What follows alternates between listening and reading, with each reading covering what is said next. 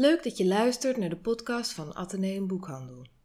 Voor deze aflevering ging collega Bob Kappen in gesprek met Esther Gerritsen over haar nieuwe roman De Terugkeer. In het gesprek gaan zij uitgebreider in op een aantal thema's in de roman, zoals het huwelijk, dementie en hoe om te gaan met iemand die aan een zware depressie lijdt. En ze hebben het over de research die Gerritsen voor het boek deed. Luister mee.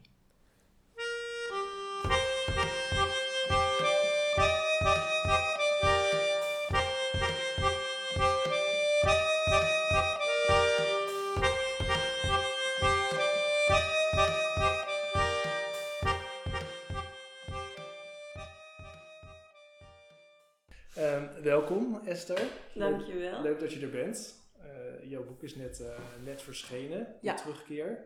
Zou je kort kunnen vertellen waar het over gaat? Ehm, het gaat eigenlijk over ehm, een jonge vrouw die op zoek gaat naar het ware verhaal achter de dood van haar vader.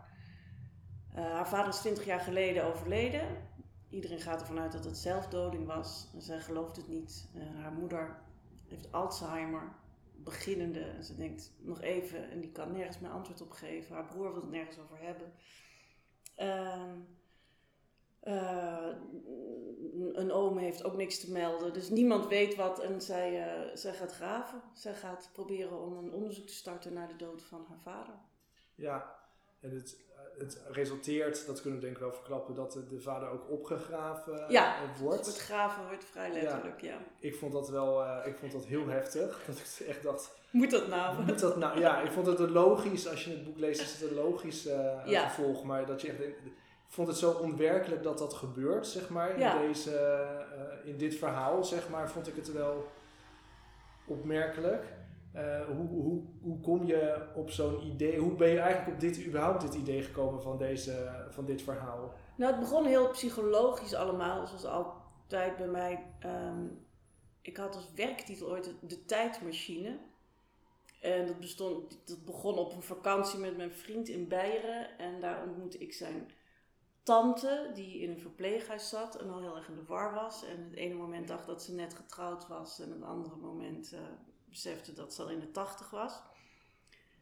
En ik ontmoette daar allemaal mensen uit zijn verleden. En ik zag hem daardoor soms als klein jongetje en dan weer als oude man, die die ook is. En toen dacht ik, wat is het toch eigenlijk logisch dat al die tijden door elkaar gaan lopen als je op een gegeven moment ouder wordt. En toen dacht ik, ik ga daar iets mee doen. En toen dacht ik, dus ik zei alleen maar, ik ga een nieuw boek schrijven en het heet De Tijdmachine. Dat begon daar eigenlijk. En zelfs, ben ik zelfs vanuit het perspectief van een dementerende vrouw ooit gaan schrijven. Maar dat werd, dacht nou, dat wordt me, dan kan ik, dat, dat, dan kan ik toch ook weer heel veel niet. En uiteindelijk is het vanuit het perspectief van heel veel mensen geworden. Ehm, en gaat het natuurlijk heel- wel heel erg over geheugen en verleden. En hoe je alles door elkaar haalt. En hoe je of het verleden opzoekt of juist wegduwt. En ja, en als je dan toch echt gaat graven naar wat er is gebeurd, denk je, waarom niet all the way? Ja, Dus, dus laten we zeggen, het, het, het, dat plot of dat echte, echte onderzoek kwam er later bij.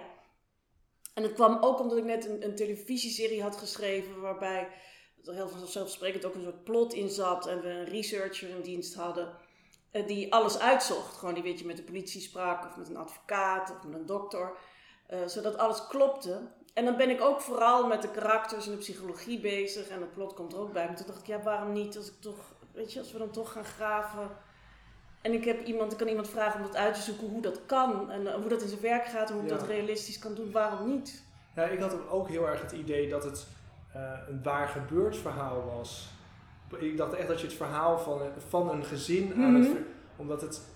Ik voelde het zo erg dat ik dacht, dit kan gewoon... Het kan dit ook. dit kan echt. En het, dat, het voelde zo echt. Het, ik heb, dacht, oh nee, maar het is een roman. Dat moest ik soms wel een paar keer tegen mezelf zeggen. Nou, maar het komt wel, ik heb het natuurlijk wel heel erg goed uitgezocht van wat, ehm, eh, hoe realistisch is het dat er 20 jaar iemand, 20 jaar geleden iemand door zelfdoding om het leven komt en dat daar nauwelijks onderzoek naar wordt Ja. gedaan. Nou, dat blijkt behoorlijk realistisch te zijn. Dat kan, dat gebeurde. Dat alles 20 wat gezegd geleden. is voor waarheid wordt aangenomen en dan... Ja, Ja. eh, eh, eh, en dat het ook weer, dat, en dat alsnog, en ik heb uitgezocht wat, moet wat heb je nodig om uh, alsnog een onderzoek te openen. En wanneer doen ze dat en doen ze dat? Ja, dat doen ze soms. En Eh, ja, dus, en, en toen ik al die verhalen van die researchers kreeg te horen, ook, dat vroeg ik van, aan, een, aan een patholoog, anatoom, uh, hoe heet het, nee, een antropoloog, ben weer De ben termen vergeten. Ja, dat soms zijn eh, de mensen die snijden. Ja, maar ook, ja, de- of een forensisch antropoloog, Oh, ja. iemand die dan van, wat, wat kun je nog zien na twintig jaar?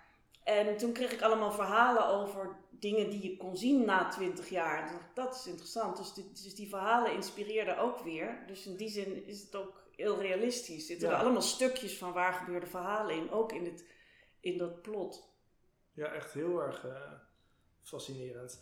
En het, het wat, waarom ging eh, zij, was het de dochter die op onderzoek moest gaan en niet, de, en niet Max, de, de zoon van, eh, van Gerrit? Waarom, waarom was hij dan zeg maar een soort daarbuiten? Omdat, eh, waarom heb je voor, voor het perspectief van haar gekozen zeg maar als een soort...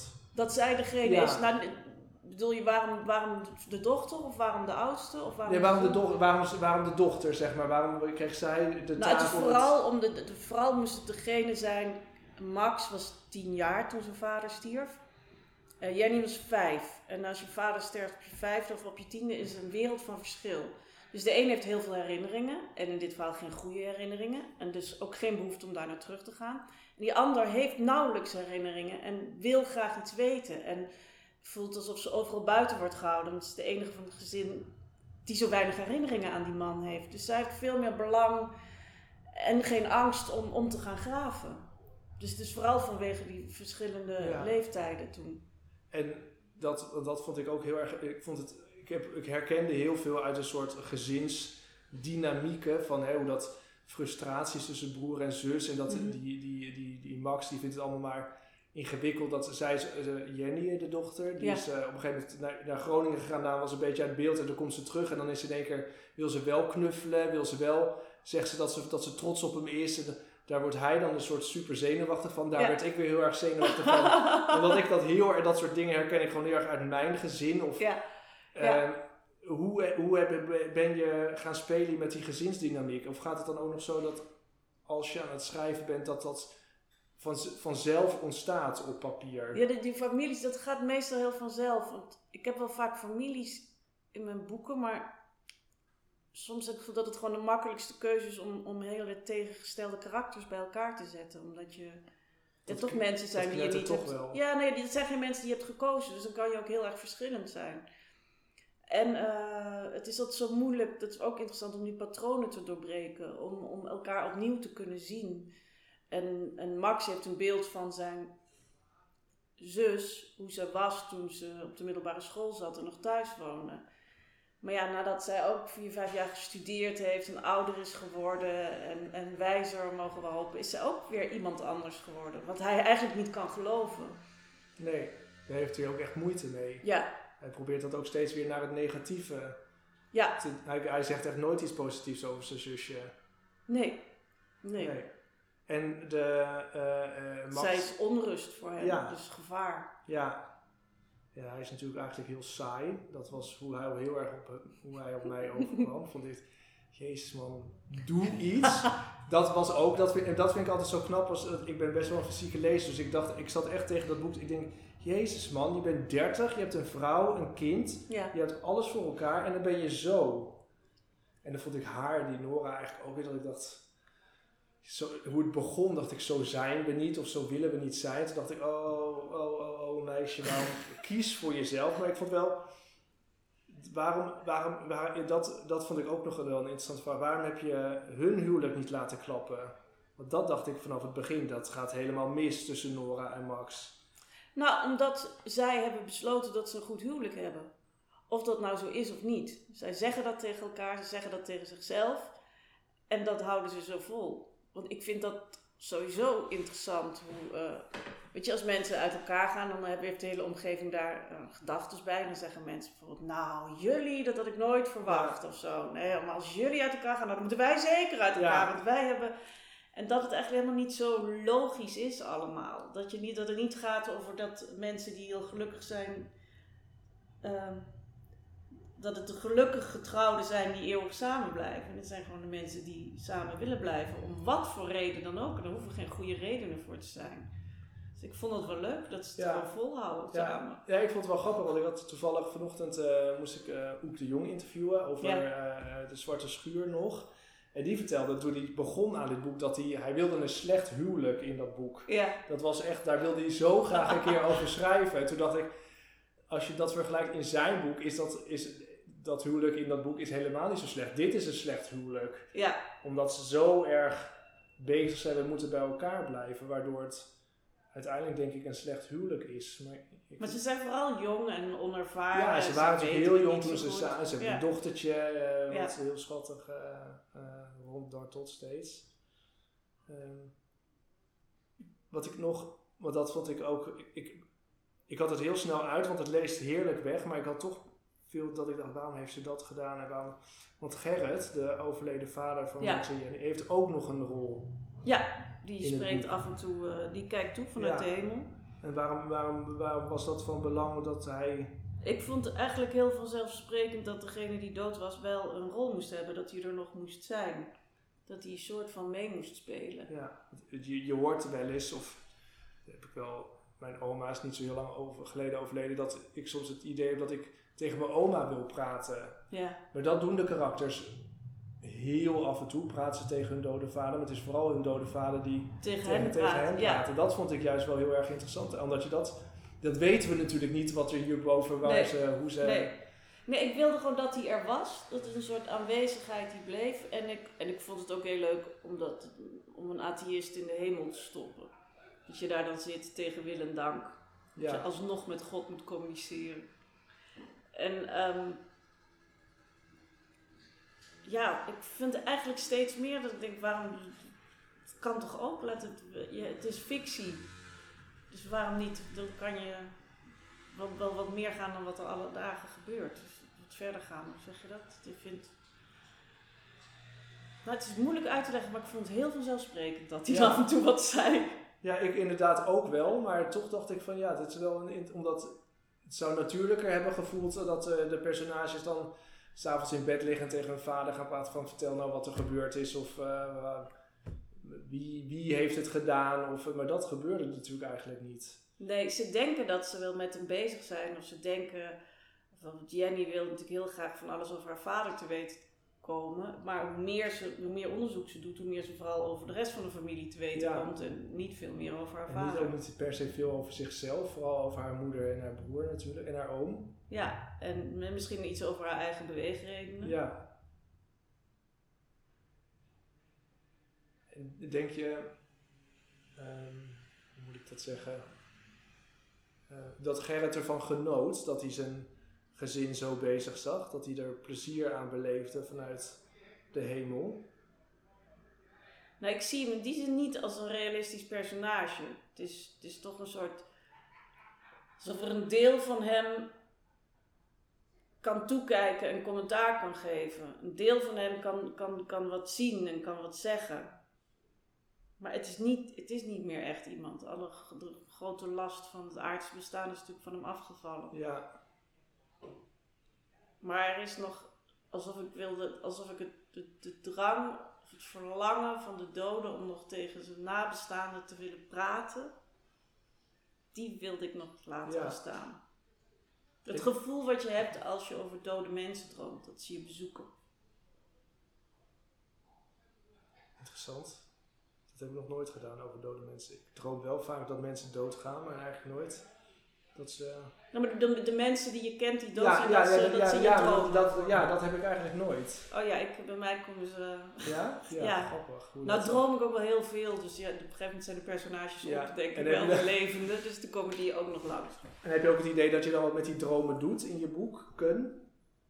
Nee, dromen is wel, ik heb er wel iets mee gedaan in het boek, maar dromen is natuurlijk een beetje lastig. Maar ehm, Of dat je s'nachts in, dat je een, een droom hebt waarvan je denkt dat is zo geniaal, daar maak ik een boek van. oh zo, nee, nee, ik heb wel. Hmm. Nee, dat is te last. Nee, een droom kan alles, hè? Dus Ja, dat is, ja maar je dat vind ik in een roman ook, toch? Ja, maar je, dan zet je toch een soort, soort, soort schematische wet, Ja, wetboek op van dit mag wel en dit mag niet. ja. Ja. Maar eh, Nee, volgens mij droom, ja, ik, weet, ik, weet, ik ben er zelf nog niet uit. Ik word zelf een beetje moe van, van al dromen. Ik droom zoveel dat ik dan. Maar ik heb een soort dus lucide dromen, dus dat je bewust bent dat je droomt. Dus volgens mij word ik gewoon 30 keer per nacht wakker, Oh, ja. want je moet wakker worden om de droom te kunnen herinneren. Dus de hele tijd- of dan zit ik vanmorgen, was ik gewoon een heel leuk liedje aan het luisteren en toen ging de wekker. Dus in mijn droom een liedje aan het luisteren. En toen was ik echt zo zagrijnig Ja. dat ik het liedje niet af kon horen. En word je dan ook moe wakker? Want Dat, Nou, die heb ik gewoon helemaal gestoord. Ja. Gestoord in mijn activiteit. ja. Welk liedje was je aan het luisteren? Ja, ik, het, het was niet iets wat ik kende. Nee, dan, ja. dan, dan was het geen probleem. Het was iets met eh, hele hoge tonen en het was heel grappig. En ik was ernaar aan het luisteren. En toen ging de wekker. Toen ging de wekker. Ja, flauw. Ja. Ehm, de moeder is eh, dementerend in het boek. Ja, Ehm, ik moet bekennen dat ik dat niet altijd geloofde, eigenlijk. nee. Ehm, toen ik het uit had, dacht ik, volgens mij is ze helemaal niet dement. Kwam dit, kwam dit er gewoon goed uit. Ze speelt er ook mee. Ja. Ja, Maar ze is wel, ze is Ja, wel nee, dat is ook wel, Maar, ze, is, is absoluut, is het de vraag. eh, soms, eh, soms komt het er ook goed uit. Maar ja, ze is natuurlijk en dementerend en liegend. Dus Ja. dat, die combinatie kan ook, hè? ja, dan ja, speel je nog niet dat je dement bent, precies. maar dan ben je dement en lieg je nog over dingen.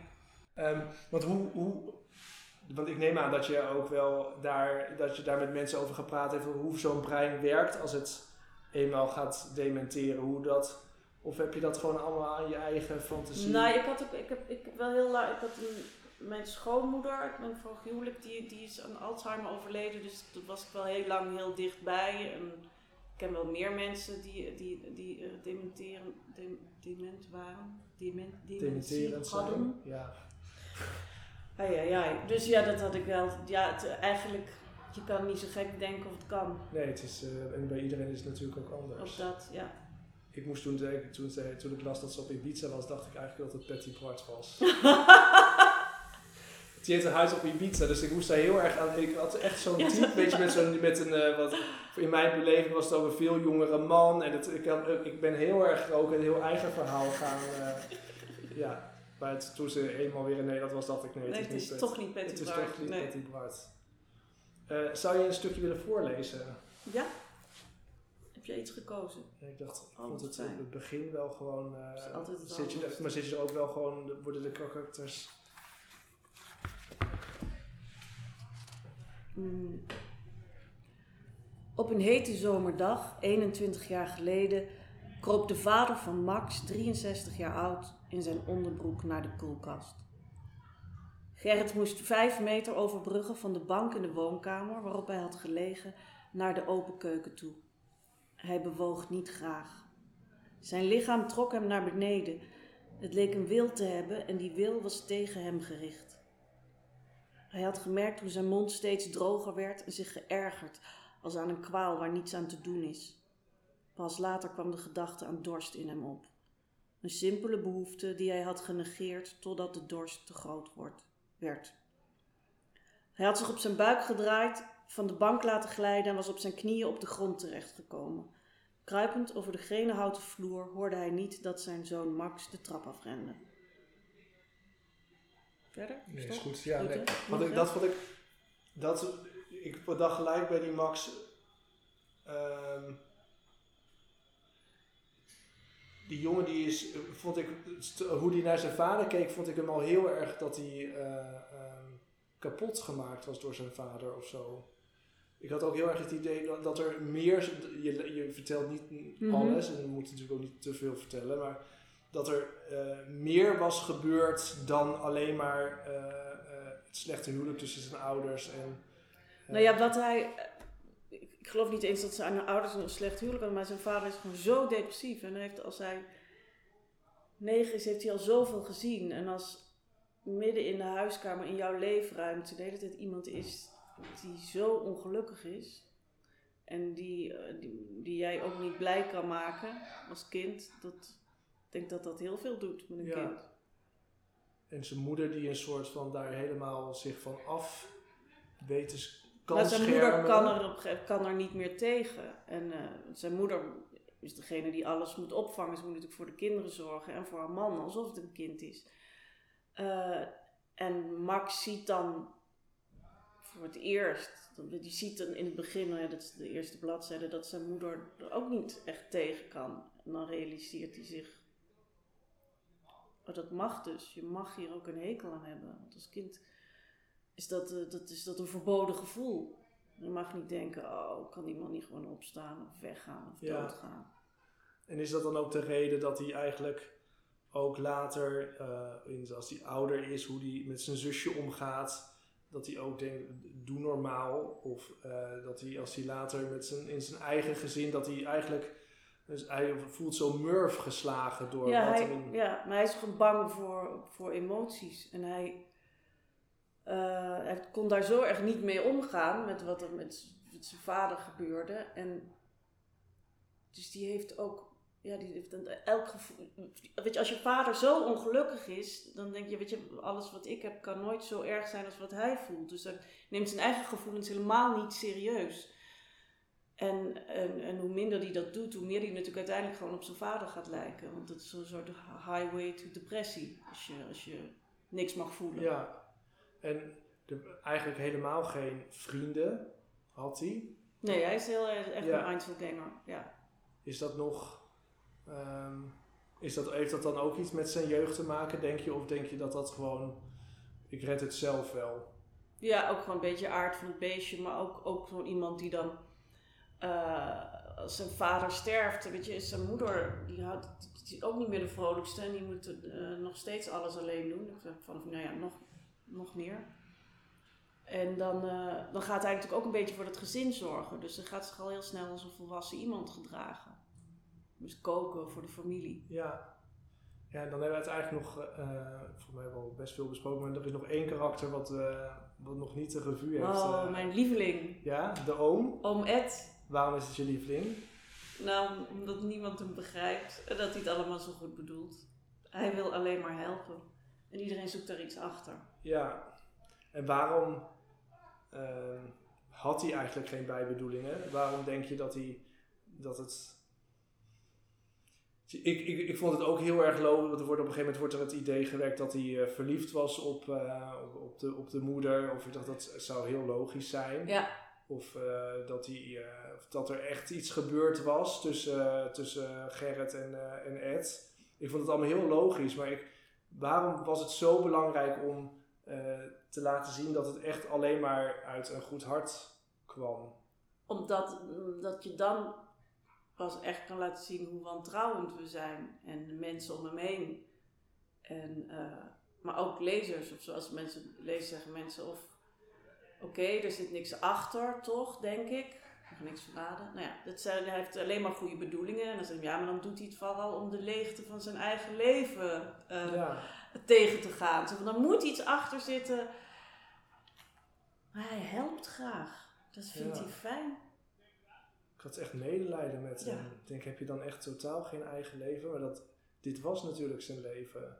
Ja, en, en wat, nee, hij helpt mensen en hij leest graag. Dat is Ja. wat hij doet. Hij leest heel veel. Ja. ja, nee, ja ik, vind heel, ik vond het een heel interessant figuur. Ja, Maar in- in ook, ja, je zou iedereen zo'n oom gunnen, toch ook wel. Die toch een soort van uit liefdadigheid mensen ondersteunt. Want dit deed hij ook wel voordat, eh nou, ook wel in tijdens de depressie van Gerrit deed hij Toen heeft hij heel wel. veel voor hem gezorgd en voor zijn broer gezorgd en heeft hij hem veel geholpen. Alleen zodra die broer is overleden, dan is hij toch ineens de koude kant. En dan denken ze, ja, die man moet misschien toch maar weg. Ook omdat andere mensen het raar vinden, omdat die vrouw denkt, zij moet misschien iets van me. En dat is allemaal ingewikkeld. ja. Ja, ik vond het echt, eh, ik heb echt het met heel erg veel plezier gelezen. Ik, wat ik, eh, je andere boeken heb ik vaak heel hard moeten lachen. Eh, dat had ik bij deze wat minder. Ja, dat ik het minder. Maar ik vond het, vooral de, het ongemak wat je laat zien. Dat, dat was voor mij als lezer in ieder geval heel erg eh, eh, ongemakkelijk. ongemakkelijk. En dat, dat, normaal gesproken word ik dan, dan leg ik boeken echt weg. ik kan hier gewoon niet Ja, nu, moet- ja, nu kon je niet, want je moest maar Nee, maar er was, ja, nee, maar er zat ook iets in waardoor je was toch nieuwsgierig. Want het leest ook als een spannend boek. Van Ja. Wie heeft het nou gedaan. Ja, misschien heeft hij het toch wel zelf gedaan. Ja, of eh, ik, ik had, eh, het kwam voor mij uiteindelijk toch nog wel een beetje als een verrassing. Goed zo. Ja. Wil je zelf nog iets kwijt over het boek? Zou je zelf nog iets, denk je dat we iets gemist hebben? Nee, dit was het allemaal. Er zit natuurlijk veel meer in, maar we, we moeten natuurlijk ook niet te veel weggeven. Nee, nee, dat is al moeilijk genoeg Ja. om erover te praten zonder iets weg te geven.